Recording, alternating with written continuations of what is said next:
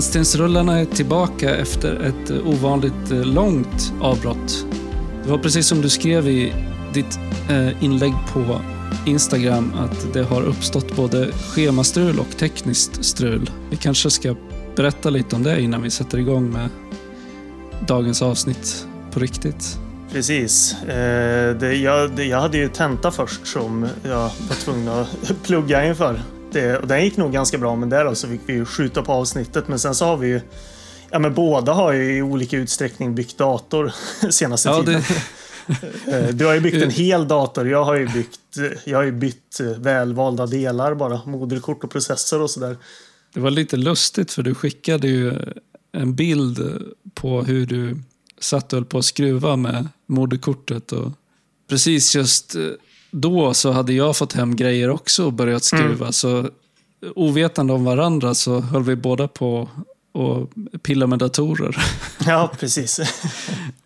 I olika eh, grad av frustration. Jag vet inte hur frustrerad du han blir.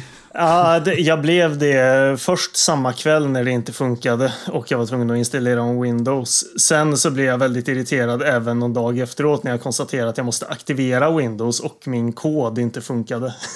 Ja, men vad kul för att det hände mig exakt samma sak. jag, jag har nu blivit informerad om vad skillnaden mellan en retail och en OEM Windows-kod är. Samma jag här. Hade, ja.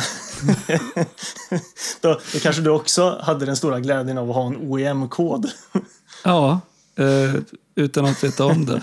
ja, samma här. Jag vet inte hur länge jag höll på med olika eh, varianter för att försöka få min gamla Windows-kod att fungera när jag väl hade installerat operativsystemet. Mm.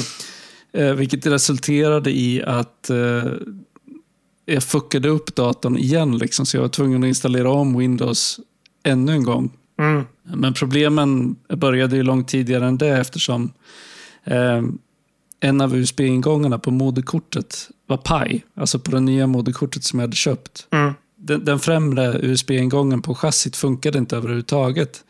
Så efter att ha byggt ihop hela datorn så var jag tvungen att liksom reklamera det första moderkortet och börja om från början. Då. Först invänta att den skulle komma. Plus att min processorkylare, den har fortfarande inte dykt upp. Så jag fick liksom nöja mig med, med eh, originalkylaren och sådär. Eh, så det har varit en massa ganska irriterande problem eh, som har uppstått. Men det här med Windows var det sista och kanske det allra mest enerverande. Eh, men nu har jag äntligen fått det att funka. Men jag fick bita i det sura äpplet och köpa en ny Windows-licens-key. Eh, ja, jag ska nog göra det. Eller ska nog göra det. Så länge man inte vill finnas i den här vattenstämpeln på skärmen så är man ju så illa tvungen. Nej, alltså jag blev ju otroligt störd över det här att för det första, jag pratade med någon snubbe på supporten som eh, lät irriterad på mig. Jag blev som, vad fan, det är, inte, det är inte jag som lurar på dig ett nytt operativsystem. Det, är liksom the other way around där. Men, eh, men det, alltså, det var ny, liksom att det mer eller mindre räknas som att man har köpt en helt, eller byggt en helt ny dator bara man byter moderkortet var news för mig de här OEM-varianterna av Windows blir tydligen bundna till just moderkortet. Du kan byta alla andra komponenter i datorn men inte moderkortet. Exakt. Jag har kunnat flytta min kod en gång, vilket jag insåg nu i efterhand var tur redan då. För jag mm. hade en Windows 7-kod som jag sen kunde uppgradera till en Windows 10-kod när jag bytte dator förra gången. Ja, det var exakt samma sak som för mig också. När jag, och därför så tänkte jag att jag skulle kunna göra samma sak den här gången också. Mm. Eh, så det var en helt oförutsedd kostnad. Ja, nej, men precis. Det var så här, jätte, jättekul insikt för mig också. Att, eh, så här, hade man kunnat, de där 1500 hade man kunnat köpa en bättre processor för. Men ja, visst. Ja, eh, men fan, det, vi har lite nyheter. Du har ju varit på, på filmmässa. Du ja, fick ju precis. representera Rännstensrullarna på Retromässan som var ja, i precis. Karlstad va? Ja, Retrolandmässan precis i Karlstad. Det mm. var väl en två, tre veckor sedan nu. Nej, men det var väldigt trevligt faktiskt. Det var framförallt väldigt kul för det var jävligt mycket folk där. Ja, vad kul. Eh, vi kom väl dit en halvtimme, 40 minuter efter de hade öppnat och det var fortfarande liksom en rätt ordentlig kö för att komma in. Eh, så det var väldigt kul. Det, jag var ju mest där för att handla grejer liksom. Eh, men köpte mest tv-spel faktiskt. Ja, du la ju ut någon post om Ja, jag la ut en story. Dina fynd. Mm. Precis, så jag köpte lite tv-spel, någon VHS-film liksom som jag ska, som man kanske ska prata lite snabbt om sen. Nej, men det var väldigt trevligt. Jag skulle väl säga att till alla, till alla som ska komma dit och sälja nästa år så får ni gärna ta med er mer VHS-er. Eh, det fanns lite grann, men det var mycket liksom. Eh, det var ju lite dyrare grejer och det är kul att kolla på, men man vill ju köpa något också. Mm. Det var, eh, jag vet inte vilka var arrangörerna. Det var, dels var det de här Askers spel och vad heter de, film... Ja, precis. Ja, jag vet inte exakt vad hela, alltså hur det långa namnet är, men det är ju Askers som man eh, kan säga då. Som jag är en väldigt flitig kund hos annars också. Varje gång jag är hemma i Värmland så åker jag ju och handlar VHS där bland annat. Mm. Men jag tror att det var de som anordnade, möjligtvis tillsammans med någon annan, någon sån här mässanordnare, men det minns jag inte riktigt vem det var. Men det är ju de som står bakom evenemanget liksom. Ja, Askers spelmusikfilm heter de på Instagram. Eh, ja. Men det, alltså jag har aldrig varit, varit i den butiken, men jag har ju sett bilder därifrån. Jag vet att du har pratat om den och att det verkar ju vara ett väldigt fint ställe. Ja, ja, verkligen. Jag skulle gärna vilja besöka det någon gång. De har ju helt nischat sig på film, tv-spel och musik. Ja. Ja, jag som köper både tv-spel och film så är det väldigt kul att ha både och. Men framförallt också att de är väl ett av få ställen som, har, som liksom körde VOS från början som också kör ganska hårt på det fortfarande. Okej. Okay. Och säljer väldigt mycket VHSer. Är det en stor butik? Ja, det är det. Den är ganska ordentligt stor faktiskt. Okej. Okay. Ja, jag måste åka dit någon gång när jag har vägarna förbi Karlstad. Mm, det är, ett, eh, det är en, ett hett tips till alla lyssnare också. Och väldigt kul initiativ med den här eh, mässan också. Jag var, jag var på 80-årsfesten dagen. Min, ja. min eh, morbror fyllde 80. Så mm. Jag hade tänkt att komma men det krockade med den här festen så jag var där istället. Uppträdde med Jerry Williams-låtar. Ja, okej. Okay. ja, men det är väldigt kul det också. Det är härligt. Nej, men jag, jag, kan nog nästan förutsätta att det kommer bli, eh, bli även nästa år. Eh, jag gissar att det gick väldigt bra så, med tanke på hur mycket folk som var där. Så jag förutsätter nog att det dyker upp även nästa år. Mm. Har du sett några bra filmer då? Lite snabbt kan jag väl nämna att jag köpte ju filmen Evil Ed på VHS på, på mässan där. Den köpte ju du också. Det är en sån där, det är väl en, i någon mån en klassiker i och med att det är väl en av ytterst få liksom, eh, svenska splatterfilmer som har, som har släppts. Jag tror det var förra året någon gång som jag köpte den. Jag har inte sett den än. Nej, alltså det var ju en sån där man stötte på tusen gånger när man som, som mycket yngre splatterfilmsentusiast snurrar på nätet liksom. Och det, alltså den var väl okej, okay, det är väl kul som en kuriosa-film. Mm. Lite lustigare tyckte jag var att det var ju, jag såg den ju på VHS då, det var ju väldigt mycket härlig VHS-reklam, bioreklam och sånt där i början av filmen. Som vanligt då, men då var det reklam för en av mina riktiga barndomsfavoriter eh, Mr Bean, den totala katastroffilmen. Kanonfilm alltså. Ja, fan, du gillar ju inte komedier, Jonathan. Ja, men det, ja, det, det är ganska små sådana här avstickare. Så. Men det här är ju som sagt det är framförallt en stor barndomsfavorit också. Ja. Men jag, det, jag vill inte prata om den filmen nämnvärt, utan jag ville prata om den här trailern. För det var så lustigt att det var en kort trailer och sen körde de hela videon till Boyzone-låten Pictures okay. of You. Ja, jävligt bra låt. Ja, den är inte alls dum alltså. Och jag tycker det är en jag, riktigt god poplåt alltså. Ja, jag, jag, tror, minns jag rätt nu, det var ett par år sedan jag såg den här Bean-filmen då. Jag tror väl att det kanske inte är ledmotiv till filmen, men att den liksom är med i förtexter eller något. Ja. Eh, så det är väl inte så konstigt så, men det var första gången. Jag satt och tänkte, sen, men vänta nu, är, den inte slut snart liksom? Och så, nej, men de körde hela videon liksom i, okay. i reklamen i början av filmen, alltså på den här VHSen. Ja, jag kommer ihåg den musikvideon väldigt väl och det är ju väldigt mycket klipp från filmen i musikvideon. Och sen är det Boyson-gänget som står i typ skinnjackor och, och pek, ja. pekar mot kameran. Exakt. och ler sneda leenden. Ja, Slänger med håret. Ja, nej, men man har sett mycket, man har sett mycket härlig reklam i början om man tittar på VHS-filmer. Men det var första gången jag också fick en hel musikvideo. Det, det är lite, ja, lite knepigt. Nej, men alltså om jag, jag har ju sett eh, rätt mycket film. Det är mycket via, via filmvetenskapen också. Men det, det, det som jag har sett som har stuckit ut väldigt är Tokyo Story, alltså Yasuhiro Usus film. Mm. Undrar om den är från 59 eller tidigt 60-tal, jag minns inte på rak arm nu. Men den är ju helt fantastisk. Men det är väl också en film som väldigt många har rätt bra koll på också. Så. Men jag vill... Eh, det, egentligen göra en liten callback också. För i vårt förra avsnitt nu som kom för ett par veckor sedan så pratade vi om lite halloween-tips. Eh, inför halloween som nu har varit. Då. Eh, och jag gav ju lite tips på spel där, bland annat spelet Soma. Som jag precis hade börjat spela när vi spelade in det avsnittet. Det visade sig vara otroligt bra för jag i okay. en väldigt så här, intensiv eh, liksom väldigt kort period spelade jag färdigt det, alltså bara inom en, någon vecka eller någonting. Och blev väldigt, väldigt positivt överraskad eh, av det spelet. Eh, så det vill jag givetvis tipsa om, för det var en, en rätt fantastisk berättelse framförallt skulle jag säga, som är väldigt snyggt berättad. Mm. Uh, och det var ganska länge sedan jag, alltså jag spelar ju väldigt mycket dataspel, men det var väldigt länge sedan jag liksom fastnade så hårt för ett, som man säger, mer så här uh, komprimerat, lite mer linjärt spel på så sätt. Mm. Det öppnar ju med en snubbe som, han ska ju vara med på något vetenskapligt experiment där man experimenterar med människors drömmar va? Eller? Nej, nej han, har, han har haft någon, någon, eh, någon slags hjärnskada. Eh. Och han, Just de ska göra en, en, någon slags eh, kontroll av hans hjärna och efter det så vaknar man upp i en eh, mystisk bas under vattenytan kan man väl säga. Mm. Där, jag, jag, kan ju säga det nu när jag har spelat att det här är väl också, definitivt ett sånt spel som, som eh, man med väldigt stor fördel upptäcker i liksom under berättelsens gång. Det vill säga, det är väldigt onödigt att liksom spoila en sån här berättelse för att det, mm. det bygger väldigt mycket på att, att man ska liksom eh, nysta i det här själv. Det, det, kan nog, alltså det är ju nog ett väldigt bra spel även om man har läst vad som händer men det är nog också ganska trist att, att få det lite avslöjat. Mm.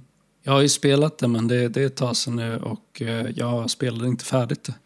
Så jag tror jag är några timmar in i det.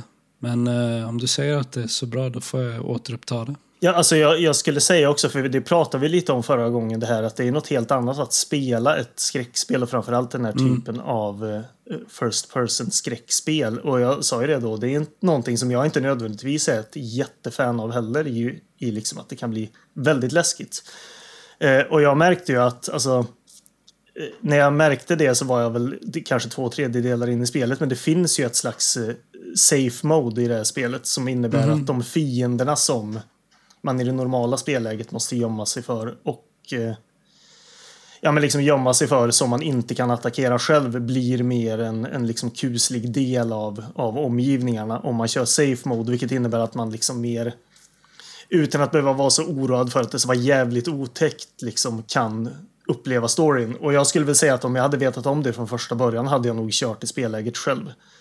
Eh, för jag kan inte riktigt påstå att de bitarna där som faktiskt bygger på att man ska gömma sig för monster var avhängiga på att den här berättelsen skulle vara så bra som den var. Nej, där eh, kan jag verkligen hålla med dig. Alltså, många av de här spelen som bygger på liksom, en kuslig stämning eller atmosfär, ibland så kan det kännas som att det är liksom forcerat gameplay i spel som kanske egentligen skulle ha tjänat på att vara en, en regelrätt walking simulator, typ, bara en upplevelse av en story.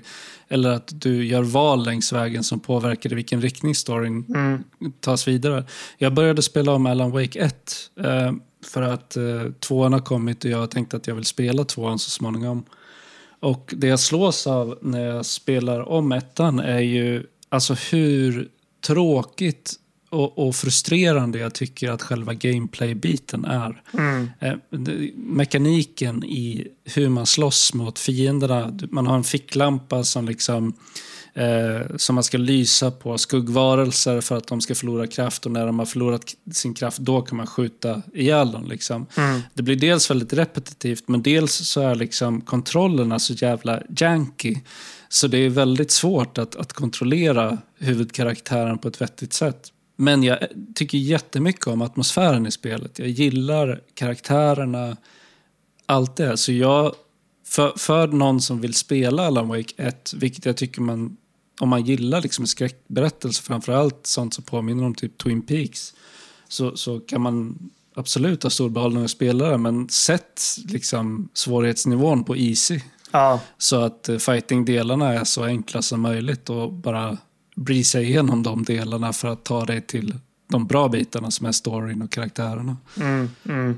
Jo, precis. Och Och eh, jag skulle väl säga att om man, om man ska jämföra Soma med, ja men ta Amnesia då, som, som är eh, av samma utvecklare. I det spelet så kändes det här att gömma sig för monster som en mycket mer integrerad del i mm. vad spelet faktiskt var. Och det är det i Soma också, men, men i vissa av fallen så kändes det liksom att det hade också varit precis lika bra om det bara var liksom obehagliga inslag i de här omgivningarna snarare än någonting man var tvungen att lura bort och gömma sig för. Mm. Eh, men hur man än väljer att spela det så, så är det ett väldigt eh, hett tips. Eh, som sagt, den, det är framförallt berättelsen som är väldigt, väldigt bra och det, den är väl värd att uppleva. Så. Det är väl typ gratis att köpa nästan jämt också. Det är väl sådana spel som är på rea hela tiden. Så. Ja. Um, jag såg om As above so below. Mm. Och eh, precis som du var inne på när vi pratade om den sist, att du tyckte att den var betydligt bättre andra gången du såg den. Det tyckte jag med. Mm. Jag tyckte den var jättebra. Ja, men den är härlig. Jag vet inte egentligen var, varför jag hade så stora betänkligheter kring delar av den första gången jag såg den. För jag minns att jag tyckte den var så här, ja det här var ju lovande men det föll på mållinjen. Jag tyckte inte det nu. Nej, Eh, det, jag, jag hade ju lite liknande tankar liksom och som sagt jag tyckte den var mycket bättre andra gången också. Jag kan inte riktigt minnas heller vad det var jag var, var mer avig för första gången. Det är väl möjligtvis då att jag jag tycker det här slutet kanske funkade lite bättre andra gången också. Jag tror väl kanske att det var det som jag var lite så här eh, kinkig runt eh, mm. Första gången. Och sen eventuellt också att eh, för att vara en helvetesskildring så är den ju lite tam. Och det är väl kanske det då. Men, men jag det är väl typ en av de hårdaste idéerna för en film på, på länge liksom. Det är en otrolig idé. Alltså hisspitchen för den är ju svinbra. Verkligen. Eh, och då, det funkar ju för det allra, allra mesta också. Väldigt bra. Ja. ja men den hade ju liksom eh, bottnar som, som jag inte mindes att den hade. Mm. Och ett väldigt snyggt berättande, liksom, hur de går från eh, vad ska man säga, att, att klättra från den verkliga världen ner i helvetet utan att veta om det. Liksom. Ja. Eh, det kan man väl säga utan att spoila för mycket. Men, eh, jag tror väl att det står i synopsis till och med. Ja, eller ja. eller det, är väl, det är väl mer eller mindre liksom. Ja, nej, jag tror inte det är någon spoiler. Ja, så den var, den var bra. Den kan man se om man inte har sett den redan. Och sen såg jag om The House of the Devil som också var skitbra. Mm. Men det, det, visste jag ju redan. Du gav ett väldigt högt betyg till Running Man såg jag. Ja, jag tyckte den var superhärlig. Ja, ja verkligen, verkligen. Det var första gången jag såg den. Jag har inte sett The Running Man tidigare. Nej. Nej men den var precis vad jag vill ha av en gammal 80-talsrulle. Ja, ja det, alltså jag såg den för första gången ganska så nyss jag också. Den är ju skithärlig. Ja, det jag tyckte, den var snygg. Det var liksom, jag gillar konceptet, det här med att du har en dödstävling, alla typ, ja men i stil med Battle Royale, eller en, en variant på det. Mm. Eh, superbra musik. Ja, ja, verkligen. Så jävla bra soundtrack. ja, nej, jag bara gillade allt med den filmen. Jag minns fortfarande att det är någon skitbra låt som spelas över eftertexterna. Eh, ja. Jag kommer inte ihåg vilken låt det är. Men... Nej, inte jag heller. Uh, nej, så den var, den var riktigt härlig. Det är kul när man ser någon av de här gamla kultklassikerna och bara upptäcker att ja, de gör skäl för sin kultklassikerstatus. Verkligen. Det är, det är alltid härligt.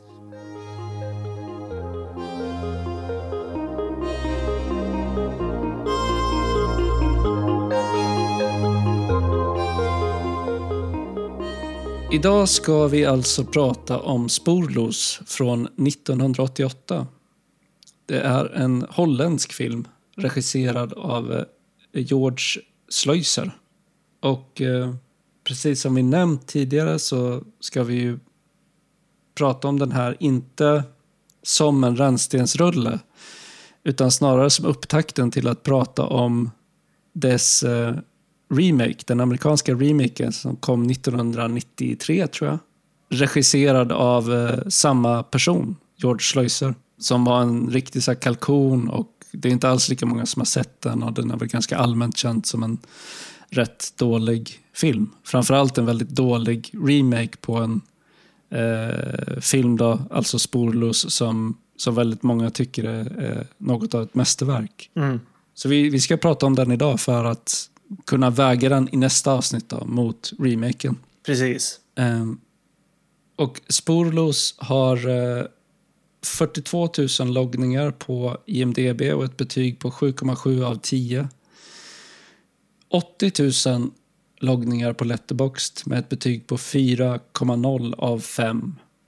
Och eh, kritiker publikbetyget på Rotten Tomatoes är 96% i kritikerbetyg och 88% i publikbetyg. Den är ju ganska liksom allmänt hållen som en väldigt bra film. Ja, precis. Precis. Eh, och alltså visst, den har väl inte överdrivet mycket loggningar på så sätt egentligen. Nej, då, det har den men, faktiskt inte. Men eh, den är väl ändå liksom tämligen välkänd skulle jag säga.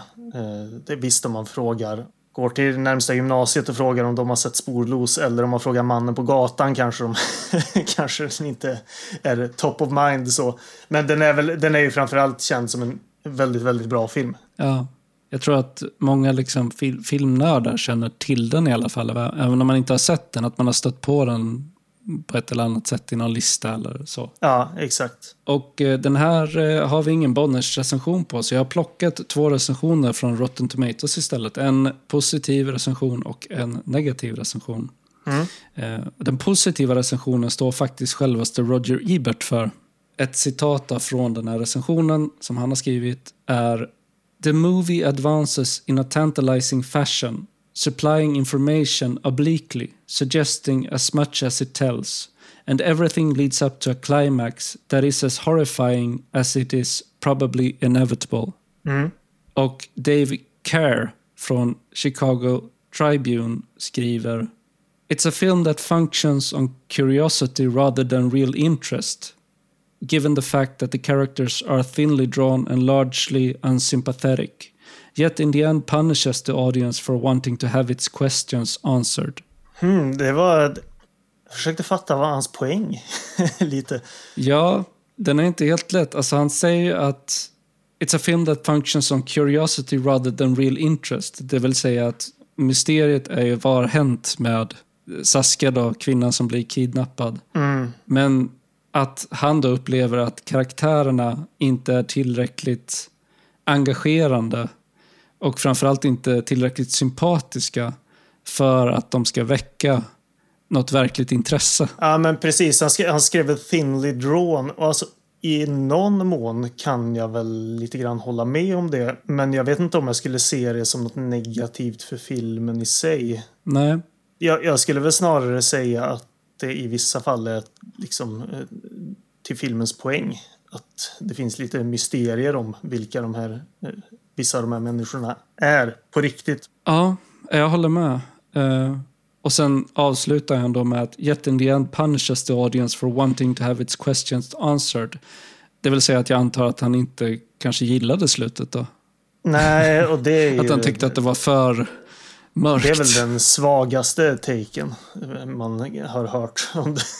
ja, men det känns som att man har missat poängen med filmen då. Ja, jo men precis. precis. Eh, ja, det var, det var lite svagt måste jag säga.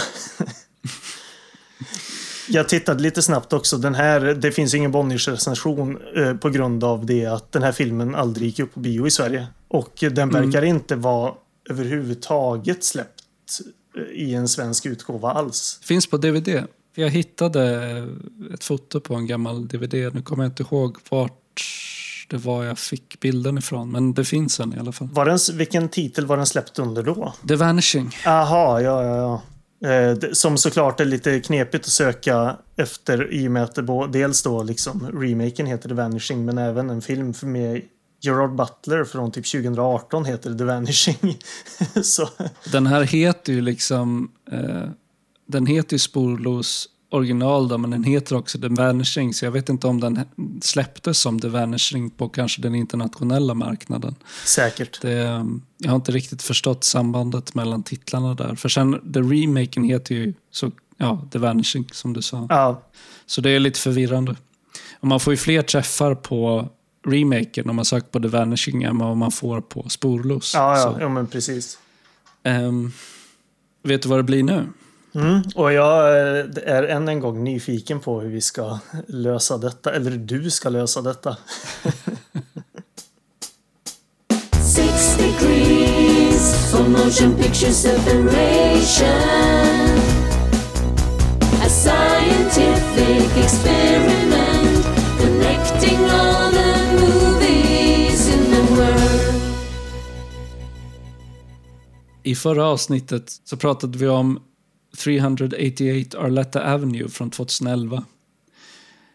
Nick Stahl spelar huvudrollen i den filmen och han var, precis som jag nämnde i det avsnittet, också med i The Man Without a Face som är, eh, vi tror, eller du sa att det är Mel Gibsons regidebut, eller hur? Ja, ja, det, ja, det ska väl inte ta gift på det, men jag är rätt Nej. säker på att jag läste att det var hans regidebut. Ja, precis. Ja. Och i The Man Without a Face från 93 så är Peter Bukossi med som stuntman.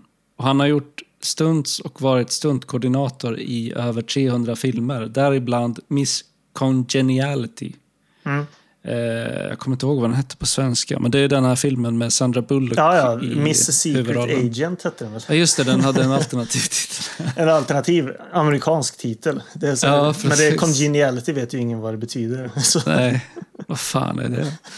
Eh, Bullock som också är med i remaken av The Vanishing från 93. ja, jo, men såklart. Som vi ska prata om i nästa avsnitt. Då. Ja. Och, eh, den är ju också regisserad av George Schleuser som även skrivit och regisserat originalet Sporlös som vi ska prata om nu.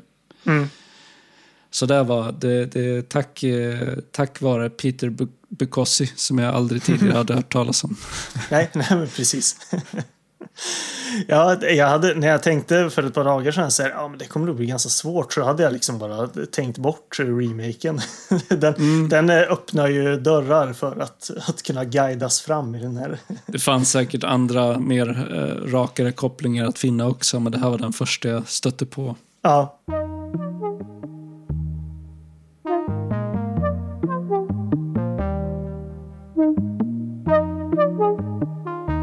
Sporlös är alltså regisserad av George Schleuser. Som eh, förutom Sporlös kanske är mest känd för att ja, dels då ha regisserat remaken The Vanishing. Men även eh, River Phoenix sista film, Dark Blood, Mm. som jag tror spelades in 93. Men eh, tragiskt nog så gick ju River Phoenix bort. Han gick bort innan filmen han blev färdig. Mm. Så den gavs ut i ofärdigt skick långt, långt senare. ja, precis 2012 eh, såg jag att den var utgiven. Eh, och det, alltså, den verkar inte finnas att se riktigt utan jag antar att den har körts på någon filmfestival kanske. Ja, jag har faktiskt sett den, Ja, okej. men det är länge sedan. Som jag minns det så var det väldigt tydligt att det saknas scener i den. Men att det ändå var en minnesvärd filmupplevelse. Det är ju väldigt Mm. bra skådis. Alltså jag är ju eh, stor River Phoenix-fan. Mm. Så här, ganska udda paranoia-thriller, som jag minns. Det handlar om en, en man och en kvinna som... Jag kommer inte ihåg om de får motorstopp eller vad det är, men de hamnar liksom långt ut på den amerikanska... I något amerikanskt ökenlandskap och där stöter de på en ung snubbe då, spelad av River Phoenix som bor i ett litet hus där mitt ute i öknen. Och de eh, söker skydd hos honom och sen eh, blir de kvar där och han liksom visar sig vara en ganska märklig typ. Mm. Han är väldigt attraherad av kvinnan liksom, som har kommit dit och börjar så här försöka komma emellan henne och hennes man. Om det inte vore för att den, den eh, är, i ett sånt ofärdigt skick så hade det säkert kunnat bli en väldigt bra film. Mm. Men utöver dem eh, så har inte George Schleuser gjort någonting som jag har sett. Men han, han har gjort mycket film och så i Holland såklart. Men det är ingenting som jag känner igen eller vet någonting om. Nej, in, inte jag heller. Man kan ju nämna filmen Twice a Woman från 1979. Den verkar vara, ja den är producerad i, ja Netherlands står det på, på Letterboxd. Men där spelar Anthony Perkins och Bibi Andersson huvudrollerna. Just det. Ehm, ingen koll på vilken film det är i övrigt så, men, men eh, det dyker upp en amerikan och en svenska där. Lustigt nog. Ja, Eh, Men annars så hade jag ingen koll på någonting han har regisserat annars heller. Det var någon sån här, eh, en film som heter Crime Time från 1996 där Steven Baldwin spelar huvudrollen. ja det noterade jag också. Ja, det, det verkar ju vara en, en amerikansk film man kunde göra i, eller det, ja, det var massa länder inblandade, men i, i liksom skenet av remaken då givetvis. Men det- han fick ju ingen liksom kometkarriär i Hollywood efter remaken, eh, kan man ju säga. Nej, det verkar ju som att han eh, tappade momentum där. Mm. Jag har inte hört några intervjuer med honom eller läst någonting så, så jag, jag vet inte hur han ser på det själv, men att bara döma av filmografin så, så kan man väl kanske gissa att eh, det inte riktigt blev så som det var tänkt. Jag tänker att det, är, det kan vi ju diskutera mer i nästa avsnitt i och med att vi då ska prata Mm. om remaken givetvis. Men, men eh, jag har ju svårt att tro att, att det var många i USA som hade sett Sporlos när remaken Ja. kom. Eh, Så, så det var inte som att hela amerikanska folket var så här, fan vad kasten är var, originalet var bättre. Nej. Nej. Nej, men det är ju faktiskt, det är ju sant faktiskt. För att jag, jag har inte forskat i än om The Vanishing liksom floppade när den kom eller om det faktiskt eh, hade en publik då, alltså remaken. Mm. Och att den sen har blivit ihågkommen som en dålig film. Så, men det kan vi, ja, vi får prata mer om det i nästa Mm. avsnitt. När vi har hunnit- grotta in oss mer i den filmen. Manuset är skriven av dels George Loiser då, men tillsammans med Tim Krabbe som eh, också hade skrivit boken som filmen är baserad på. Som heter Het Goiden Eye, eller Ej, Het Goiden Eye. Mm. Som betyder det gyllene ägget. Vilket ju är ett motiv som finns med även i filmen. I dialog mellan karaktärerna och i bildspråket. Men eh, det verkar ha varit ett ganska svårt samarbete mellan Schleutzer och eh, Krabbe. Så Krabbe tvingades lämna projektet en bit in i manusskrivandet på grund av me- konstnärliga meningsskiljaktigheter. Och Schleutzer hade köpt rättigheterna till det här manuset Mm. eh, i ett väldigt tidigt stadium, redan innan boken faktiskt var utgiven, eh, vad jag förstår det. Och eh, det här att han tvingade Krabbe att lämna projektet för att han sa att ja, men jag har ju rättigheterna till att göra den här filmen ledde till en splittring mellan de här två personerna som ska ha hållit i sig väldigt, väldigt länge, vilket man ju kan förstå. Jo, jo, precis. Allt för konsten. Precis. Men jag blev lite, jag blivit lite nyfiken på den boken. Eh, Den kan ju inte Ja, vara så samma. svår att få tag i, tror jag inte. Och framförallt se hur, alltså hur den här berättelsen ter sig i text. Mm. Det är ju ganska mycket i den som eh, är liksom känns väldigt avhängigt på bildmediet. Ja. Och hur den berättelsen då liksom... Jag tror ju att den är något sån där annorlunda, men jag minns att jag läste liksom synopsis på Wikipedia bara för att se, ja men framförallt om slutet var detsamma och det verkar det vara så. Så jag tror inte att berättelsen i sina så här, i sin grund är extremt annorlunda. Nej.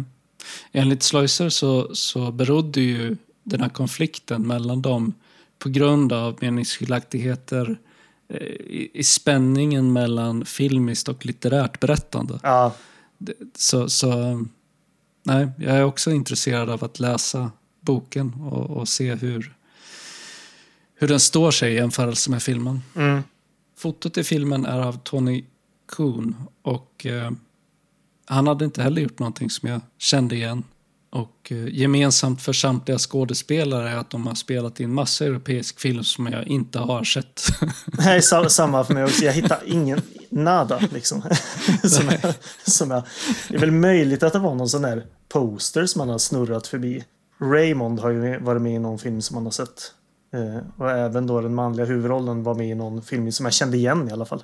ja, alltså eh, Bernard Pierre Donadieu som spelar Raymond, han eh, har ju varit med i många franska filmer men eh, utöver The Vanishing är det nog eh, Roman Polanskis The Tenant Ja, precis. eh, som är den mest kända filmen i hans filmografi för ja, folk utanför Frankrike. Mm. Ehm, men där har han bara en liten roll som bartender. The Tenant har jag sett någon gång också. Jag minns den som, som eh, bra. Ja, det var länge sedan jag såg den också. Eh, Sen har vi Jean Bervoets som eh, spelar Rex. Och enda andra filmen jag sett där han är med är Borgman från 2013. Där han ska spela en trädgårdsmästare. Det minns jag som en jävla skumfilm alltså. Ja, du har sett den. Jag, jag har inte sett Ja, jag den, men jag har, varit väldigt, jag har varit sugen på den. Så den kände jag till sen innan. Eh, Den är så konstig.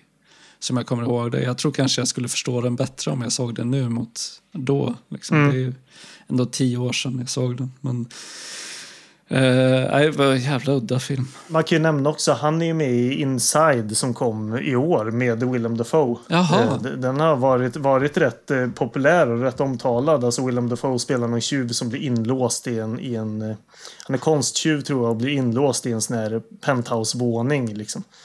Mhm. Eh, och måste ta sig ut därifrån. Men där verkar... Eh, ja, hur, hur ska man uttala hans namn? G- inte Jean, gissar jag. René Berwowitz. Eller nu, Ja. ja. nu blir det ryska nästan. Jag vet, ja. jag vet inte. Han, han verkar spela en ganska stor roll i den filmen i alla fall. Så han är ju verkligen liksom eh, aktuell precis nu. Det hade jag helt missat faktiskt. Vad kul. Men sen har vi Johanna Thea Stege. Jag be om ursäkt för det här Fan, det blir ut, uttalen. uttalsmästarna sitter där. och- och spelar Saskia. Eh, och eh, jag såg att hon hade varit med i en film om Ludwig van Beethoven från 94 som heter Immortal Beloved. eh, Med Gary Oldman i huvudrollen som kompositören. Det är en sån här film som jag inte ens visste existerade. Jag har aldrig hört talas om den någonsin. Nej, det är alltså på rak arm ingenting jag har hört talas om heller. Ja, där ja. Immortal Beloved. Ja, men du, det är ju Bernard Rose. Det är ju Candyman-mannen som har regisserat Mm. den. Ser jag. Eh, nej, aldrig hört talas om jag heller. Och det, hon hade, jag hade ingen koll på något annat hon hade varit med i heller. Nej. Men jag kan tänka mig att eh, den, eh, Gary Oldman kan göra Ludwig van Beethoven bra som här hetlevrad kompositör. Ja, jo, men verkligen. Verkligen. Och sen har vi Gwen Eck- Eckhouse som spelar Linneke. Och eh, där, ja, det var återigen ingenting utöver Spurlos som, som stack ut för mig. Hon har inte gjort så mycket alls. Nej, hon hade varit med i fyra filmer enligt Letterboxd, ser jag. Mm. Filmmusiken står Henry Vrienten för. Han var med i det holländska popbandet Doemar som ska ha varit populärt hos många tonåringar när det begav sig. Det är väldigt fin musik i den här filmen tycker jag. Jag gillar ju verkligen ledmotivet här och eh, den ganska sparsmakade användningen av eh, melodislingor som kommer, återkommer med jämna mellanrum. Ja, jag skulle ha varit mer noggrann och antecknat ner. För jag minns det som att delar av musiken tycker jag är bra. Och sen så finns det någon liten cue som återkommer som jag tyckte var ganska enerverande. Men som sagt, jag var, var inte... inte... Är det den här elgitarrs-grejen som du inte gillar? Eller? Ja, möjligt. Men som sagt, jag skulle ha varit mer noggrann och faktiskt antecknat ner. Men jag, jag minns att jag tänkte på det när jag såg filmen. Att det var någon... Alltså, det är väldigt sparsmakad musik också, vilket är eh, till filmens fördel. Ja. Men att det dyker det upp. Fin, det finns ju en eh, melodi som går typ... Ja, det kan vara den jag tänker på. Eh, ja. Men, eh, nej, men jag skulle väl säga generellt sett att alltså, det är en väldigt... Framförallt så är det ett ganska... Det låter inte riktigt som ett filmsoundtrack. Nej. Alltså det, det låter väldigt apart mot vad, vad man lite väntar sig kanske. Eh, av filmmusik rent generellt sett. Så. Ja, det är väldigt dystert och sorgligt i alla fall. Så det Mm. passar ju filmen på så sätt. Jag har även förstått att det här var en film som eh, Stanley Kubrick höll väldigt högt. Mm. Han eh, ska ha berättat för Schleutzer att han har sett den minst tio gånger och tycker att det var den läskigaste film han någonsin sett. Mm. Eh, varpå Schleutzer ska ha sagt, men har du sett The Shining? och eh, Kubrick har svarat att ja, men den är bara barnlek i, i jämförelse. Liksom. Det fanns ett annat roligt samband mellan The Shining och The Vanishing. För att när eh, George Schleuser eh, valde det namnet för den här filmen Mm. för den internationella marknaden så hade han The Shining i åtanke. Mm. Eh, Mm. Och han har- sagt att just The Shining är ju inget riktigt ord utan det var liksom påhittat för Stephen Kings bok från Mm. början. Mm. Precis som The Vanishing. Alltså det är ett ord som så men det är ett ganska okonventionellt sätt att använda ordet på. Ja, och sättet Eh, att i böja det på. Liksom. form. Ja. Nej, men exakt. Så, det om det. Ska ta och läsa det här VHS-omslaget då. Mm. Det, är, eh, det börjar med ett gäng citat från olika recensioner. Som jag tyvärr inte kan se vilka det är som har skrivit för det är alldeles för pixligt och smått. Mm. Men jag ser vad, vad citaten är åtminstone. Det här är en stark film. En skrämmande thriller spänd som en fjäder. Jag tror att det är Washington Post kanske som har skrivit det. Och sen kommer oerhört äggande, välstrukturerad och mycket otäck thriller. Och glöm alla andra skräckfilmer du sett. Och sen står det så här på baksidestexten. Det unga paret Saskia och Rex befinner sig på bilsemester i Frankrike. Saskia berättar om en återkommande mardröm hon haft den senaste tiden. Hon är instängd i ett gyllene ägg utan någon chans att ta sig ut. Strax efteråt får paret motorstopp mitt i en mörk tunnel. Rex blir märkbart upprörd och lämnar Saskia ensam i bilen för att ilsket rusa iväg och leta efter hjälp. När han återvänder ber han henne om ursäkt och de stannar vid en närbelägen bensinstation för att rasta. När Saskia behöver gå på toaletten säger Rex att han ska vänta på henne strax intill. Samtidigt blir han mer och mer irriterad ju längre han får vänta på Saskia som aldrig dyker upp. Tills det slutligen går upp för honom att hon är... Punkt, punkt, punkt, spårlöst försvunnen. Tre år senare blir Rex kontaktad av en man som påstår sig veta vad som har hänt och ett mardrömslikt scenario börjar nystas upp. Herregud, vad mycket ord och, och liksom, vad mycket onödigt bös. Ja, precis. Det är, det är lite lustigt att man känner, känner ett behov av att här, beskriva väldigt noggrant vad som händer i, precis i början och sen så här, hastar igenom, igenom resten. Men just också att eh, det, det är det där, det är som att man känner ett behov av att man måste beskriva så mycket som möjligt som eh, Ja. Det är som att man inte vet vad, vad man ska skriva om filmen så därför beskriver man den snarare än skriver någonting mer sammanfattande om eh, vad den egentligen handlar om. Det är, alltså det är klart att det här är en beskrivning av vad det handlar om men det fångar ju liksom inte eh, djupet i filmen. Nej, nej, precis. Men precis som eh, det står här på baksidan då, så börjar ju filmen med att paret Rex och Saskia eh, är på bilsemester i Frankrike. Där eh, Saskia har ett sommarhus. Vi möter dem i den här bilen när de kör längs vägen och de liksom leker ordlekar med varandra och har det väldigt trevligt och fint. Tills dess att de får motorstopp i en eh, tunnel Mm. och eh, befinner sig ju då såklart i livsfara för de är inte synliga i den här mörka tunneln. Saskia börjar leta efter ficklampan i deras väldigt stökiga baksäte och Rex blir irriterad och säger att nej men fan, ja, vi måste gå härifrån, vi kan bli påkörda när som helst. Liksom. Och hon eh, ropar efter honom att men, nej du får inte lämna mig här. Eh, jag måste hitta ficklampan. Liksom. Men han bara går, stormar ut ur den här tunneln. Och eh, här är den allra första scenen där man anar någonting li lite udda eh, med den här karaktären Rex. Därför att när han går ut ur den här tunneln och hör henne ropa efter honom så ler han för Mm. sig själv. Eh, vilket ju tyder på att han kanske inte är så godhjärtad och öm som, som man först skulle kunna tänka sig att han är när man ser de här lyckliga scenerna i, i den allra första början av filmen. Nej, precis. Det, det är lite som att han, han inte riktigt kan ta på allvar att hon är rädd på riktigt. Utan han snarare tycker bara att det är en kul grej. Liksom, att, Mm. ja, men det är väl läskigt inne i mörkret. Liksom. Vilket är konstigt för han har ju precis själv sagt att vi måste ta oss härifrån för vi befinner oss i livsfara. Ja, ja, men precis. och sen precis. överger han henne där Ja, i mörkret. Men de här scenerna har ju föregåtts också av att hon berättar om sin mardröm. Hon drömmer att hon befinner sig inuti ett gyllene ägg och eh, svävar omkring planlöst i rymden i all evighet. Mm. Men att hon den här gången när hon drömde den här drömmen också eh, såg att han fanns där Mm. i ett eget ägg. Men att de svävade långt, långt, långt ifrån varandra. Men om de skulle mötas så skulle allting vara över.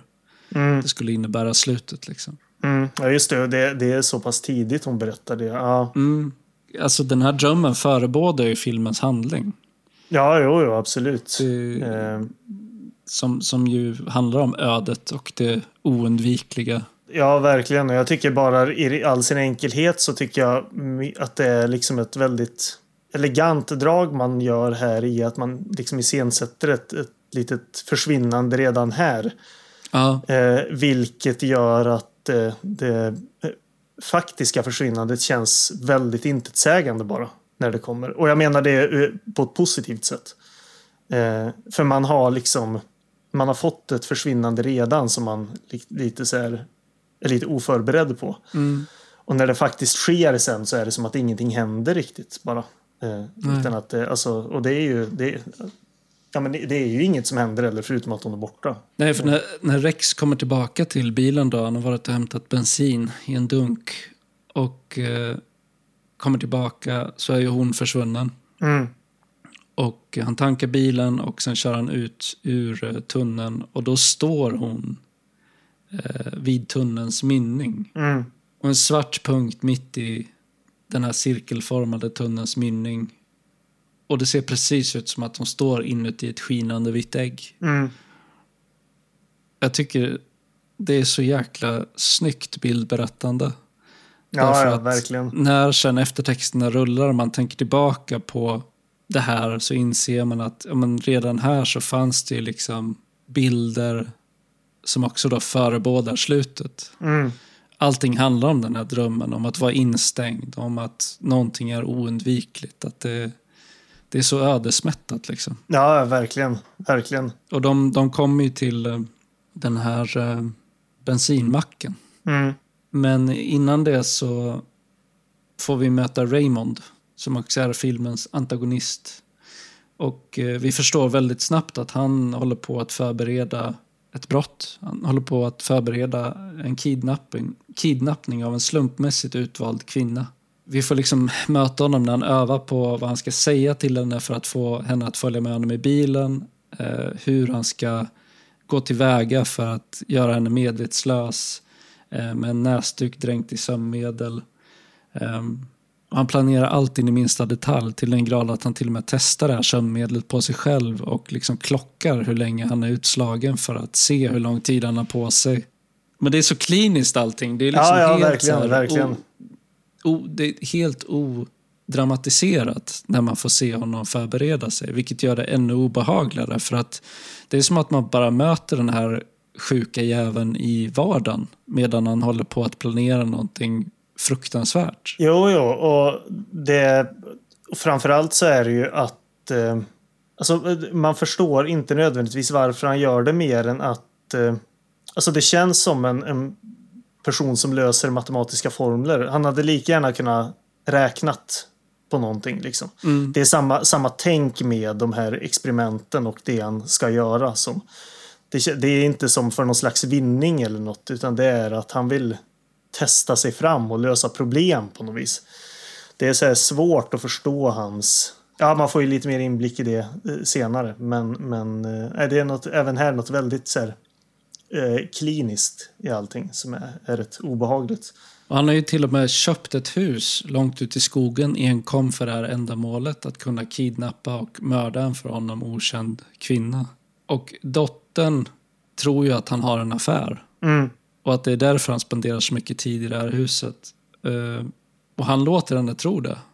Så, och en så här väldigt märklig relation mellan far och dotter här. För dottern verkar ju mest stolt över att hennes pappa då träffar andra kvinnor förutom eh, hennes mamma. Så hon liksom med stolthet håller det här håller tyst om det här. Det är Ja. deras hemlighet. Liksom. Ja, och vi får se honom med sin familj när de besöker det här huset ute på landet. Och eh, han uppmuntrar både sina döttrar och sin fru att skrika så högt de kan vid matbordet som ett skämt. Liksom. Och sen Mm. i nästa scen får vi se hur han så stannar till när han möter grannen ute på vägen och frågar honom. Ah, men jag tyckte jag hörde skrik här ute igår. Hörde du någonting? Liksom. Och grannen säger nej, nej, jag hörde ingenting. Och då inser man att okej, men han, han testade ju bara för att se om eh, skrik färdas så att någon annan kan höra det här ute. Precis. Vilket det visar sig inte göra. Så allting i hans liv kretsar enbart kring att, att eh, sätta den här planen i verket. Ja, ja men exakt. Och det är så här effektiv eh, ja, men foreshadowing. Framförallt det här med när man, när man testar om det hörs när man skriker. Mm. Eh, tycker jag är väldigt så här, snyggt gjort. Så han, han har ju liksom planerat allting in i minsta detalj. Även vad han ska liksom säga till de här kvinnorna han försöker få att sätta sig i hans bil för att de ska följa med honom. Och det är ju här hans plan fallerar. Eh, för att han, på, på grund av sin liksom störning antar jag, eller Mm. att han är så liksom en sån sociopat, alltså att han förstår ju inte hur människor fungerar eller hur människor känner. Mm. Så han kan inte liksom föreställa sig hur andra människor fungerar och tänker. Han är som, precis som du var inne på, rakt matematisk i sitt tänkande. Ja, men precis. Att om, om han säger A så kommer det leda till B, men det fungerar ju inte i verkligheten. Så han Nej, tänker att nej. om han liksom ger en eh, kvinna så här, ja men jag behöver din hjälp med det här. Kom och sätt dig i min bil så kan vi åka och göra det tillsammans. Så tänker han att det ska vara tillräckligt för att någon ska liksom följa med honom då. Ja, Men blir väldigt snabbt varse att han lyckas ju inte. Alltså det här är den delen av planen som han inte lyckas sätta i verket. Mm. Det är att faktiskt så här, lura någon till att följa med honom. mm. Det, så det är ju inte förrän inget går enligt planen som han lyckas. Vilket är en ganska hemsk men intressant vändning. Så tillvida att när han stöter på Saskia på den här eh, bensinmacken så är det ju hon som tar kontakt med honom. Hon ber honom om att få växla pengar. Eh, hon får sy på hans nyckelring och vill ha en likadan till Rex. Eh, varpå han liksom drar en så här väldigt kvick lögn om att han säljer de här nyckelringarna. Han har många fler ute i bilen, hon följer med honom ut. Och det är liksom anledningen då till att hon hoppar in och han eh, drogar henne medvetslös med den här näsduken med, med sömnmedel.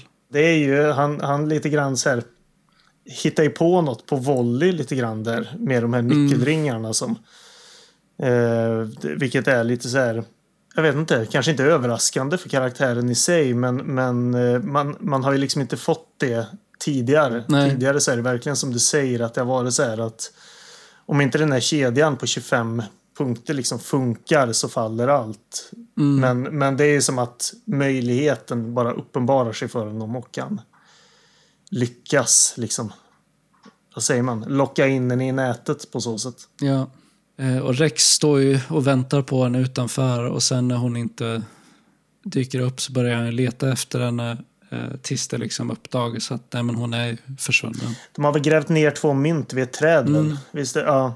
Som vi ska återkomma sen också. Ja, återigen en påminnelse om det här ägget. Alltså till formen så är ju mynt ganska lika ägg. Till, Jo men precis som mynten är begravda. Ja, exakt. Ja. Så. Och i samma scen där så svär ju Rex på att han aldrig ska överge Saskia. Och sen går hon in på kiosken och kommer aldrig tillbaka. Mm. Och sen blir det ett hopp i tiden. Tre år framåt i tiden. Det här är ju elegant gjort. Hur, jag minns inte exakt hur den här liksom övergången görs. Men det är väl mer eller mindre att det bara glider över till att man får se hennes ansikte först. Och sen ser en affisch där det står försvann för tre år sedan. Mm. Och det är ju supersnyggt alltså. Och sen framförallt också i och med att det här också är ett, ett övergång i perspektiv.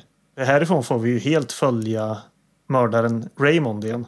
Mm. Egentligen kanske inte hela andra, filmens andra akt, men under en ganska lång period eh, får vi följa honom. Precis, för det är ju han som passerar den här eh, eh, affischen. Ja, och stannar upp och tittar på den. Eh, där det står att hon är saknad och att kontakta eh, Rex om ni vet någonting om vart hon kan ha tagit vägen. Jag stannar upp och tittar på den och pratar med en kollega om att eh, han eh, beundrar Rex ihärdighet. Att han inte ger upp om att hitta eh, Saskia. Ja, men precis. Och eh, vi förstår ju också att Raymond har skickat meddelanden till Rex. Mm. Så han har ju under, jag förstår, en ganska lång period börjat närma sig Rex också för att han är fascinerad av den här mannen som inte ger upp i sitt letande. Mm. Han har skickat ett vykort där han skriver till Rex att möt mig på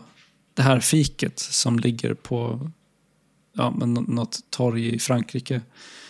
Och Rex åker dit tillsammans med sin nya flickvän Linneke eh, och sitter där och väntar på det utsatta klockslaget. Men Raymond dyker aldrig upp. Däremot så kan man se honom i, i bakgrunden stå och stirra på, på dem eh, från en balkong. Ja, precis. Och vi får väl även se det ur hans perspektiv sen. Eh. Hur han står och tittar ner på dem. Eh, för jag, som jag minns det så fortsätter väl sen scenen ur hans perspektiv. Att han pratar med någon inne på sitt kontor där. Eller det är väl hans lägenhet förresten. Som, han bor väl precis vid det här kaféet. Ja, det är någon form av... Eh, eh, jag tror att det är hans barndomshem. Mm, Eh, för det är också den här balkongen som han hoppar från just det, just det. som, som ung. Eh, det är något vi får reda på senare, att han, han har hoppat från den där balkongen som tonåring. Mm, Men eh, det är väldigt tydligt här att det råder en ganska svår spänning mellan Rex och hans nya flickvän Lenike. Då. Att de tycker väldigt mycket om varandra men Rex är som besatt av hitta Saskia. mm, Och Linike har ju blivit involverad i det här sökandet. Eh, och de börjar bråka när de sitter på den här uteserveringen. För att Linike säger att ja, men du får inte liksom falla offer för den här galningen nu som påstår att han vet vart Saskia är. Det här är bara det här är hjärnspöken. Du, du, liksom, hon är borta, du kommer aldrig få veta vad som hände. mm. Och han blir upprörd och säger att om Saskia vore här nu så skulle jag ändå följa med dig. Men om jag verkligen kunde välja så vore jag hellre på den där bensinmacken för tre år sedan. Så han är ju väldigt, väldigt hård.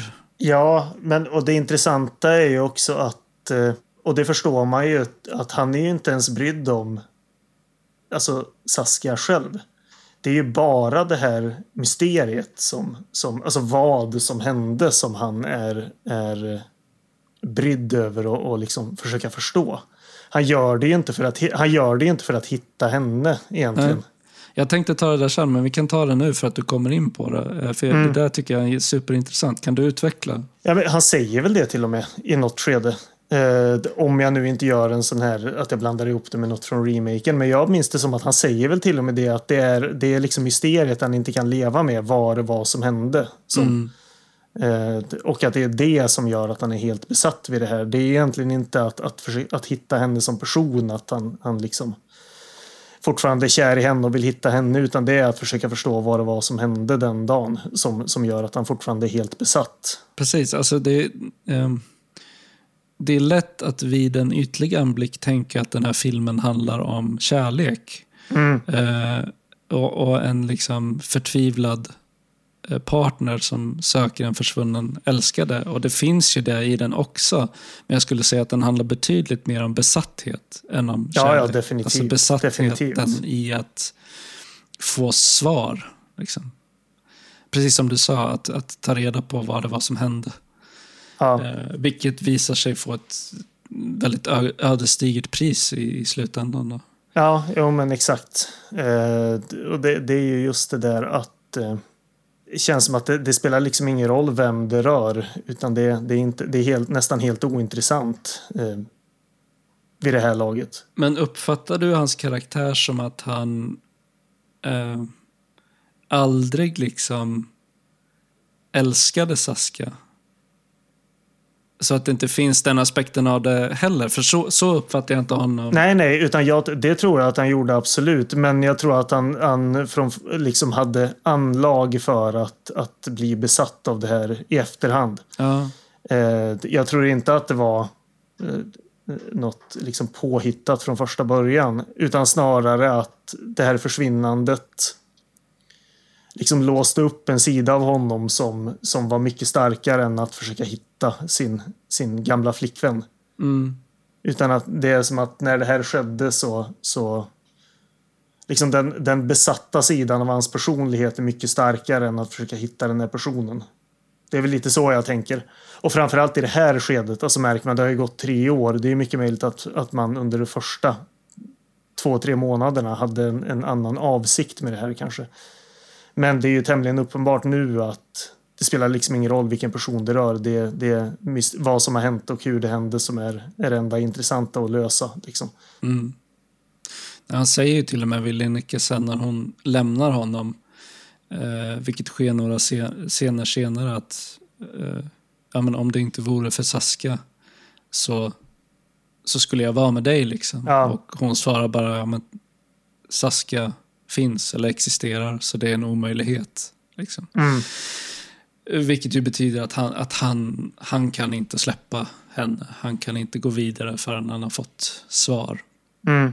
Men för hur tänker du runt Nej, men jag tror jag liksom- tänker som du. Alltså jag, jag, jag förstår ju den här eh, eh, recensenten som hade den negativa recensionen i det att han säger att karaktärerna är eh, ganska osympatiska. Och jag tror att han syftar på, på Rex då. Mm. För han ska ju någon mån vara hjälten i filmen då, men han är ju han är ju ganska svår att tycka om för att man, man ser ju precis som jag var inne på väldigt tidigt i filmen när han lämnar henne där i tunneln.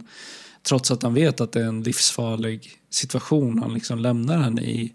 Eh, så ser man att det finns liksom en distans och en kyla i hans karaktär som är ganska så här, ja men är, han är knepig liksom. Ja. Och inte nödvändigtvis en så bra person, anar man. När jag upplever sen sökandet som ett uttryck för hans besatthet snarare än hans kärlek. Ja. Nej. Eh, För han är ju liksom inkapabel att älska den här nya kvinnan som han har träffat av Linike. Eh, Det är som han, han har liksom ingenting till övers för de levande. Nej, och man, man undrar lite varför de är ett par överhuvudtaget. Det känns ju lite grann som att han har, det känns som ja, men att han har känt sig lite tvungen på något vis. Mm. Att det är väl så det ska vara. Men att han sen liksom inser att, eh, att han är helt ointresserad av henne också. Det kommer ju en, en, tycker jag, väldigt konstig scen där. Precis efter att hon har lämnat honom i hans lägenhet och han går och sätter sig vid datorn, knäpper igång datorskärmen och där finns det en lista Mm. eh, med en massa kvinnonamn och sen högst upp står det som rubrik tillgängliga kvinnor. Ja. Eh, vilket jag antar att det antyder så här att det här är kvinnor som man potentiellt kan dejta. Mm. Och sen medan han sitter där så börjar Saskas namn ta över hela skärmen. Det är antingen en skärmsläckare eller att det, det bara sker i hans medvetande, jag vet inte. Men jag fattar inte den där scenen. Jag tycker att det är den enda så här riktigt svaga scenen i filmen. Nej, jag vet inte riktigt hur jag ska tänka runt den heller. Alltså det, det skulle ju bara kunna vara att det liksom är en del i hans, hans personlighet. Att han också listar tjejer han potentiellt skulle kunna dejta. Ja. men det, men det, det är så här helt utan helt utan någon kontext om vad det överhuvudtaget är. Ja. Så, så är det ju också ganska så här otydligt. Och otydlighet kan vara fantastiskt. Men det kan också bara bli något, en sån där detalj som man blir så här onödigt konfunderad över. Ja. Som, Och jag tycker inte att den scenen behövs för att man ska förstå att han eh, lider av en besatthet. Liksom. Att han, nej, nej men exakt. eh, det, blir näst, det blir som övertydligt berättande snarare. ja, Mer än någonting annat. Vi, vi får också se klipp från ett tv-program som Rex har varit med i. Där han eh, pratar om Saskias försvinnande och sitt sökande efter henne. Och sen vänder sig till kameran och, pratar direkt till hennes kidnappare. Och säger att det enda han vill är att få reda på vad som hände Saskia. Och att han är beredd att göra vad som helst.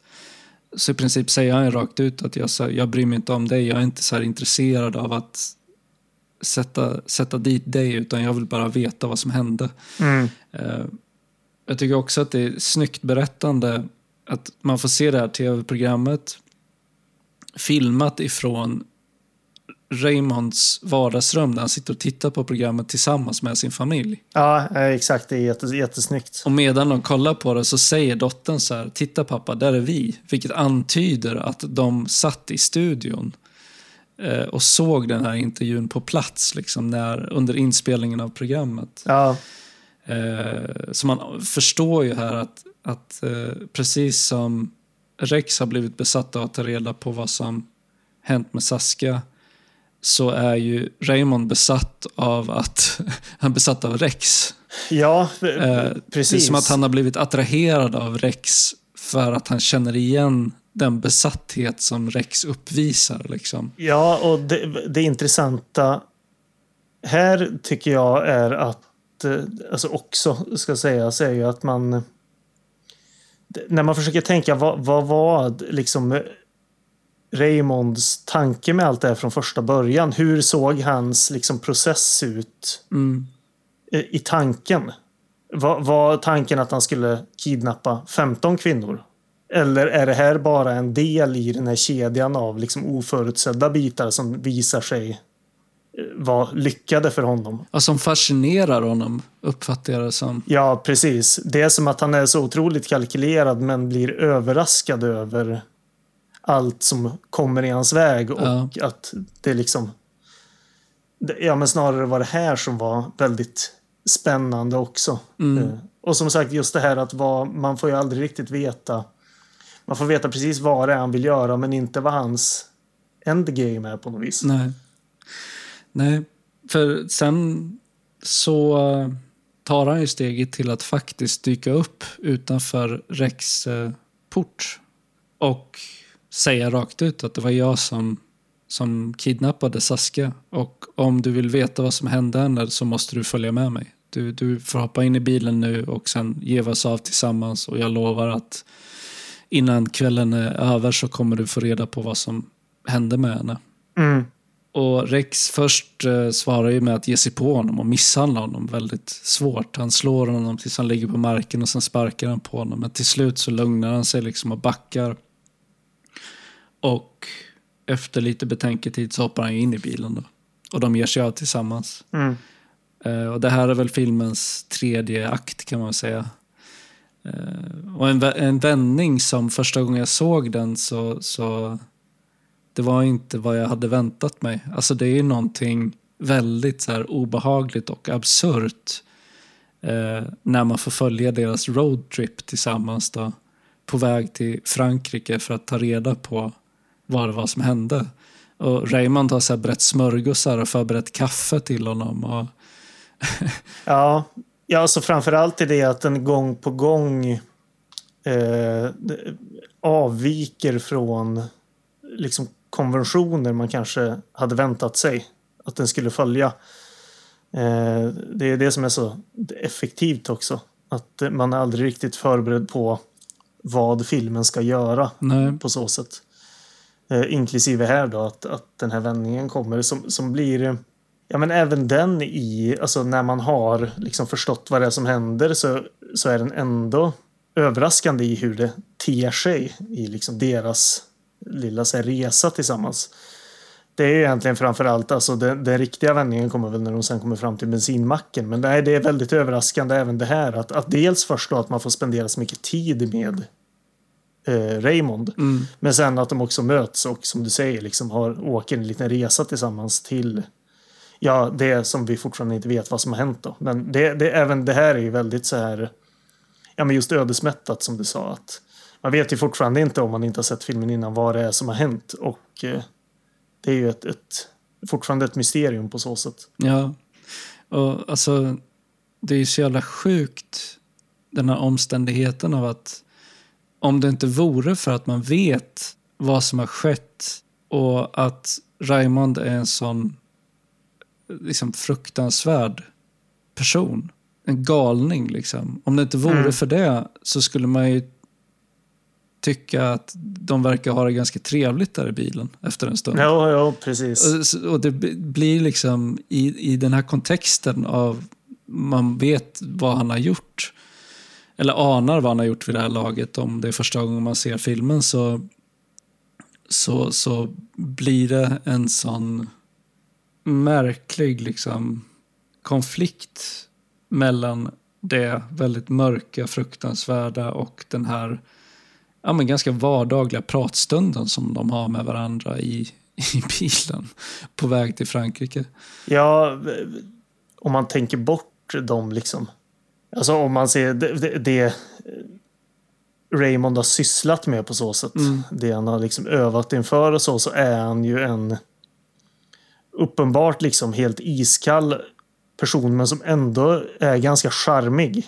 Alltså man förstår ju då, jag vet inte vad, om man ska säga att, att det är just psykopat som är, är liksom rättmätigt eh, beskri en rättmätig beskrivning men man märker ju att han framstår som charmig i alla fall. Men han verkar också vara ganska känslomässigt död. Han, han Samtidigt. kallar sig ju själv för en sociopat. Han säger det rakt Ja, ut Rex ja, i det, bilen. just att eh, du, du kan hitta mig liksom beskriven vid begreppet sociopat i en ordbok. Ja, Så han är väldigt medveten om sitt eget tillstånd eller sin egen abnormalitet. mm, Och absolut, han är ju helt samvetslös. Liksom. För honom så är ju bara andra människor brickor i någon form av vetenskapligt experiment han utför för att ta reda på liksom, vem han är eller vad han är kapabel till. ja Men här i precis. bilen så berättar han ju också om sin första upplevelse av att bryta mot vad han kallar för konventioner. Mm, Och då får man ju se en återblick när han sitter på den här balkongen eh, ovanför det här torget. Och han beskriver för Rex hur han, medan han satt och bläddrade i en bok då, som 16-åring, kom på tanken att han skulle kunna hoppa från den här balkongen, som väl typ är 4-5 meter upp i luften. mm, Och klättrar över räcket och, och tittar ner på asfalten nedanför och tänker för sig själv att konventionen säger att jag inte kommer hoppa. Tusentals och åter tusentals människor innan mig har tänkt samma sak, men det är aldrig någon som hoppar. mm, Så därför, för att göra det som inte är förutbestämt, för att gå emot ödet, så måste jag hoppa. Och så hoppar han. Vilket ju är ett helt korkat resonemang egentligen. Därför att mm. om, om det nu finns ett öde, vilket jag inte tror att det gör, så hade det väl i så fall varit det, det är väldigt lätt att argumentera för att ja, men det var väl förutbestämt att just du skulle hoppa då. Mm, mm. Så. Men det kan också, jag har tänkt på det sen, att det kan vara en, eh, en fråga om eh, översättning. Ja, ja, så kan det ju vara. Så jag är inte helt säker på att översättningen är helt korrekt i alla lägen. Är det inte något med att han också säger att han liksom bara saknar den spärren? Som människan har. Ja, precis. Men det här är alltså då förklaringen som man ger till Rex, eller början på förklaringen till vad som hände Saska. Mm, För att sen berättar han att långt senare i livet så räddade han en liten flicka från att drunkna. Och ble, blev hyllad som hjälte av sin familj. Eh, framför allt sin, sin dotter då. Och i samma stund som hon kallar honom för en hjälte så blir han besatt av tanken på att ta reda på om han verkligen är en hjälte. mm, Och då resonerar han för sig själv att en hjälte är någon som bara är kapabel att göra gott. Alltså inkapabel att göra ont. Och därför, i samma stund som han blir kallad hjälte, så fantiserar han omedelbart ihop det värsta tänkbara scenariot av vad han kan utsätta en annan människa för. Och sen så bestämmer han sig för att han ska genomföra det för att ta reda på om han är god eller inte. mm. Så det, det här är ju verkligen en, ett matematiskt tänkande till någonting väldigt hemskt. Ja, nej, Att han exakt. så här, ja men jag ska ta reda på om jag, om jag är en hjälte. Det är målet. Hur gör jag det? Ja, men för att bevisa för mig själv om jag är det eller inte så ska jag eh, ge mig på att utföra någonting väldigt ondskefullt. Klarar jag av att utföra någonting väldigt ondskefullt så är jag ingen hjälte. Klarar jag inte av att utföra då är jag en hjälte. Liksom. Så det, det är en ekvation bara, som, som han ser det. Mm, Eh, och det är alltså anledningen till varför han kidnappar Saska. Så det det är en lika enkel som obegriplig anledning, skulle jag säga. mm. Eh, och som ju förutsätter en människa som är helt samvetslös och inkapabel att, att bry sig om andra människor. Ja, det, det är ju något så här helt... eh, Det, är ju att han ser på det som en sån självklarhet också. Att det skulle vara något helt... Ja, men det är väl helt naturligt liksom. Att tänka så här ur hans perspektiv. Och för en annan så är det liksom... Ja, men man vet inte hur man ska beskriva det ens. Nej, Men, men han, han verkar som att när, när han pratar om det så här, nej men det är väl, helt, det är väl inget konstigt med det. Så Nej. Det är väl så här man... Det är väl en självklarhet att det är så här man gör för att, för att lösa ett sånt här problem. Som, precis. Som att han har gjort den en, dragit den enda logiska slutsatsen som går att dra. ja, precis. Raymond berättar väldigt sakligt om sina planer och eh, de misslyckanden han stöter på längs vägen med att liksom inte lyckas lura in någon i sin bil förrän han stöter på Saska på den här bensinmacken. Mm. Och sen ger han Rex ett alternativ. Att få reda på sanningen eller att åka hem och aldrig få reda på vad som hänt. Mm. Och när Rex ställs inför det här alternativet så står de ju vid den här lilla gräsplätten under trädet där de tre år tidigare grävde ner de här mynten och Rex lovade att han aldrig skulle överge Saskia. Och i en stund av liksom desperation efter att han först har eh, sagt nej till Raymond att nej, jag kommer inte jag kommer inte att följa med dig längre än så här. För Raymond erbjuder honom en dryck och, dryck och säger att ja, men drick det här, det är ett sömnmedel i det och då kommer du få reda på vad som har hänt med Saskia. Mm. Eh, Rex nekar och är på väg att gå därifrån. Men så kastar han sig ner vid det här trädet och gräver upp de här två mynten och de ligger ju kvar då. Mm. Och eh, efter att ha snurrat runt där i någon form av tillfällig galenskap liksom, runt det här trädet. Det är som att han delvis dras därifrån samtidigt som Raymond och den här muggen med eh, sömnmedel har någon form av gravitation på honom som liksom bara drar honom tillbaka dit. Och sen till slut... Och så Ja, men det är väl som ett omöjligt val. Ja, liksom. precis. Tills han bara tvingar sig till att göra ett val. Och då Ja. väljer han att, att dricka kaffet. Ja, men han vet ju att han ska dö här. Ja, ja, ja, precis. Alltså vad som än har hänt så vet han ju att han kommer att dö om han dricker upp det här kaffet. Mm. Men han dricker det ändå efter att han har återfunnit de här mynten från tidigare. Och sen använder han Raymonds replik mot honom och sa att ja, men jag frågade mig själv, föreställ dig att du dricker. Var det för att bestämt att jag inte ska dricka? För att trots ödet så måste jag dricka. Och att jag drack det för hennes skull. Liksom. Mm.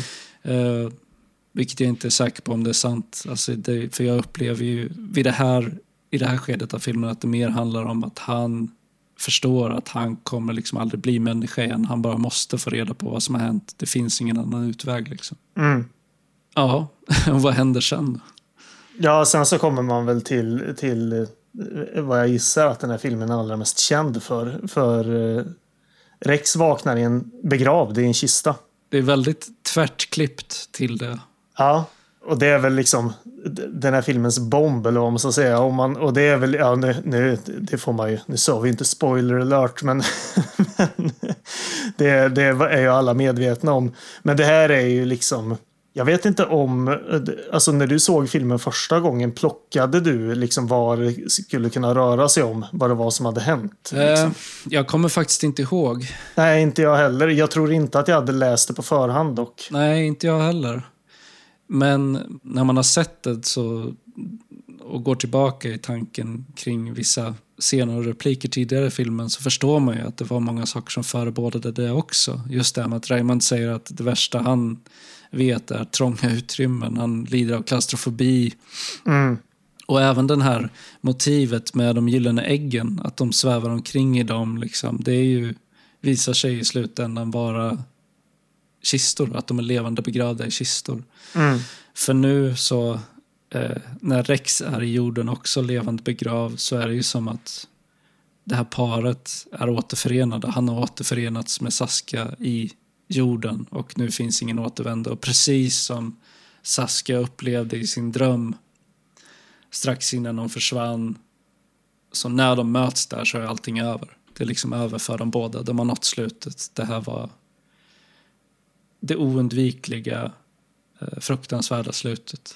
Ja, precis. Och man, filmen slutar väl på att man får se att de liksom Raymond och hans familj sitter och fikar ovanpå eh, där de är begravda mer eller Nej, mindre. det, det slutar faktiskt med att eh, man ser Raymond när han sitter in till husväggen och stirrar med väldigt så här otroligt obehaglig blick på medan hans hustru står och vattnar blommorna som växer på, ovanpå de här gravarna. Då. Och hon vet ju såklart inte om det.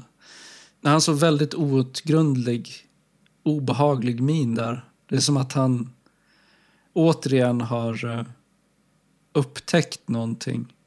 Eller blivit överraskad av någonting. Mm. Antingen något han känner eller...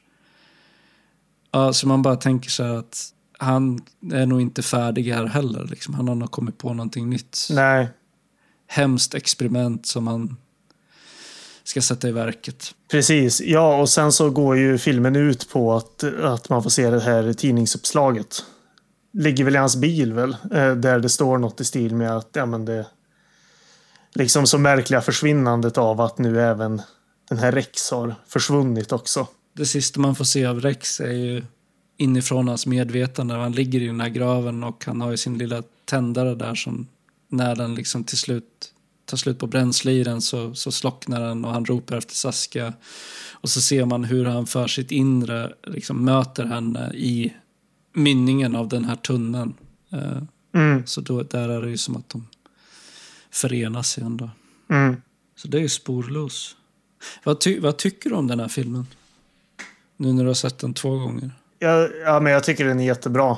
Um, jag, jag tycker inte den är lika bra som du och jag, jag tror att det har med att uh, det, den här filmen är eh, objektivt sett väldigt, väldigt bra. Men uh, den når inte över krönet där den uh, liksom träffar mig på ett, ett något slags emotionellt sätt. Nej. Alltså, det, det är klart, alltså det, det är emotionellt på så sätt att den är obehaglig och sorglig. Men den där lilla stöten som vi pratade om i, när, vi, när vi pratade om August in the Water till exempel. Den vi försökte nysta lite i vad som gör att en film eh, blir något annat. Mm. Och det har den inte. Och jag, jag tror, jag tänker ju att den har det för dig i och med att det här är, som du har sagt tidigare, en liksom solklar femma för dig. Ja, men jag är inte så säker på det längre faktiskt. Jag, jag, blev, jag gav den ju en femma nu på Letterbox bara för att. Liksom, för jag måste ju stå för det jag har sagt. Men ju mer jag har tänkt på det efter att jag har sett den nu. Det här är väl, jag vet inte, fjärde gången jag ser den kanske. Alltså jag tycker fortfarande att det är en fantastiskt bra film. Mm. Eh, men jag är inte säker på att det är en, en femma längre. Eh, framför allt det jag tänkte på var att eh, alltså den karaktären som jag tycker mest om i filmen är Saskia och jag hade velat se mer av henne.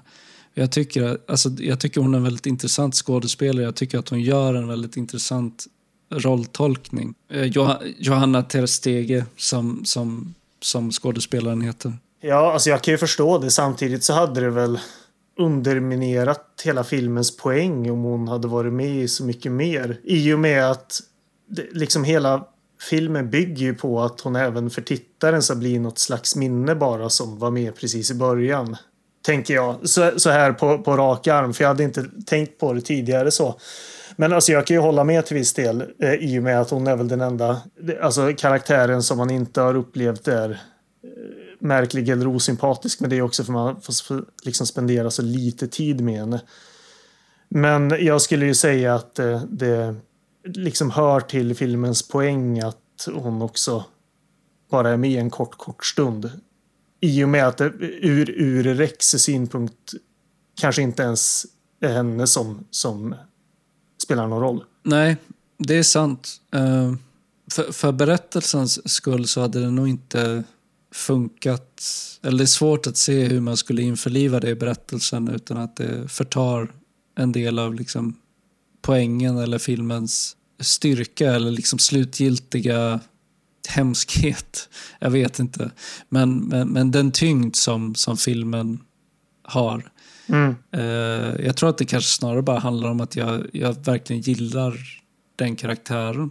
Alltså jag, jag tycker att hon är en intressant skådespelare. Jag tycker om de scener där hon liksom interagerar med de andra skådespelarna. Och så där. Så av den anledningen skulle jag vilja se mer av henne. Men du har helt rätt i att det hade liksom underminerat berättelsen som så. Jag, jag kan inte riktigt sätta fingret på vad det var, men jag var inte lika tagen av filmen den här gången som jag varit förut. Det kan ju såklart ha att göra med att jag redan har sett den flera gånger. Jag vet inte. Men jag tror jag såg fler brister i den nu än vad jag har gjort tidigare. Jag upplever ju att, att filmen är något bättre när vi har pratat om den. Ja, okej. Mm. I när man har varit in och benat lite i de faktiska, den faktiska tematiken och så. Eh, det gör ju väldigt mycket för filmupplevelsen. Men jag skulle säga att det är för mig, om man nu ska hålla på och prata om faktiska betyg, skulle jag vilja säga att det är en ganska solid fyra. Liksom. Mm. Just det där, den puttas inte över krönet för mig. Men jag skulle säga att det objektivt sett är en väldigt bra film. Framförallt i hur, hur apart den är i, i hur den berättar den är. Alltså just det, det som vi har pratat om att man blir lite överraskad över eh, att den liksom duckar för konventioner man lite väntar sig att man ska få. Ja. Om man bara tänker att det här är en, en thriller om en, en kvinna som är eh, kidnappad. Vilka är de konventionerna? Kan du ge något exempel på vad man skulle vänta sig ska hända i filmen? Ja, men möjligt att man skulle få en större liksom, polisinvolvering. Liksom. Mm. Att man skulle följa ett sånt spår. Att man inte ska spendera lika mycket tid med den faktiska mördaren. Att det skulle vara en mer liksom, mystisk figur kanske. Här blir han ju snarare minst lika personifierad som huvudrollsinnehavaren blir. Om inte mer. Ja, mer skulle jag säga. Ja. alltså, För att han är ju, han är ju så väldigt vardaglig i, i, alltså i det att man får följa honom i hans vardag. Ja, Eh, och han lever till synes ett helt normalt liv förutom då det faktum att han planerar det här fruktansvärda dådet. Liksom. ja. Eh, vilket tycker jag gör det ännu mer obehagligt. För att han är så kall och kalkylerad. ja definitivt. Och ob- obrydd. liksom. Ja, ja exakt. Kring allting annat förutom att lyckas med det här, eh, den här vrickade planen som han håller på att sätta i verket. Ja, han har hittat sitt projekt som han vill färdigställa och det finns inget annat som är... Ja, i och för sig uppenbart så kan han ju sköta ett arbetsliv under tiden. Ja. Men, men det kanske bara ligger i den här personligheten att, att liksom hålla livet flytande för att han vill få det här projektet att funka.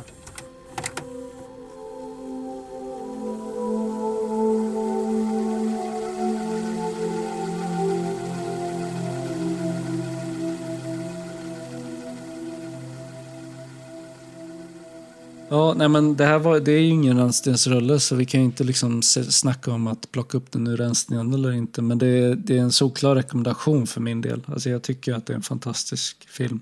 Ja, ja, men absolut. Och jag, jag har definitivt en rekommendation från mig också. Jag tycker att man kan göra en, en eh, det är väl en utmärkt double feature att se den här och remaken. Eh, Ja. Som vi ska prata om nästa gång då. Men du hade hunnit se remaken för jag har inte gjort Ja. det än. Jag såg den Ja. i, för två veckor sedan eller när det var. Okej. Eller var det i helgen? Jag kommer inte ihåg. Eh, Men jag har sett den i alla fall. Dagarna flyter ihop när man bygger dator. Ja, ja, ja. Alltså det, hela den här årstiden gör att, att livet flyter ihop känns det som. Ja, ja. Och det har regnat nu konstant typ tre veckor. Det är som att bo under ett Ja. lock. Ja, ja, ja. Och så vaknar man på morgonen och så... ja, Antingen så är det klockan nio på kvällen eller så är det morgon. Man vet inte. Det är så. Ja. Är det morgon eller kväll? Spelar det någon roll? Nej, men exakt. Exakt. Så, nej, nej, men jag har sett den och eh, jag ska inte säga, säga någonting om det. Men, men det blir kul att diskutera den, tror jag. Mm. Absolut. Ja, nej, som sagt, om eh, två veckor så snackar vi om The Vanishing från eh, 93. 93. Ja, precis. Det stämmer. Med bland annat Jeff Bridges, Sandra Bullock och eh, Kiefer Sutherland. Kiefer Sutherland. Mm. Ja, nej, man har det bra så länge så hörs vi då. Det gör vi. Ha det bra. Hej!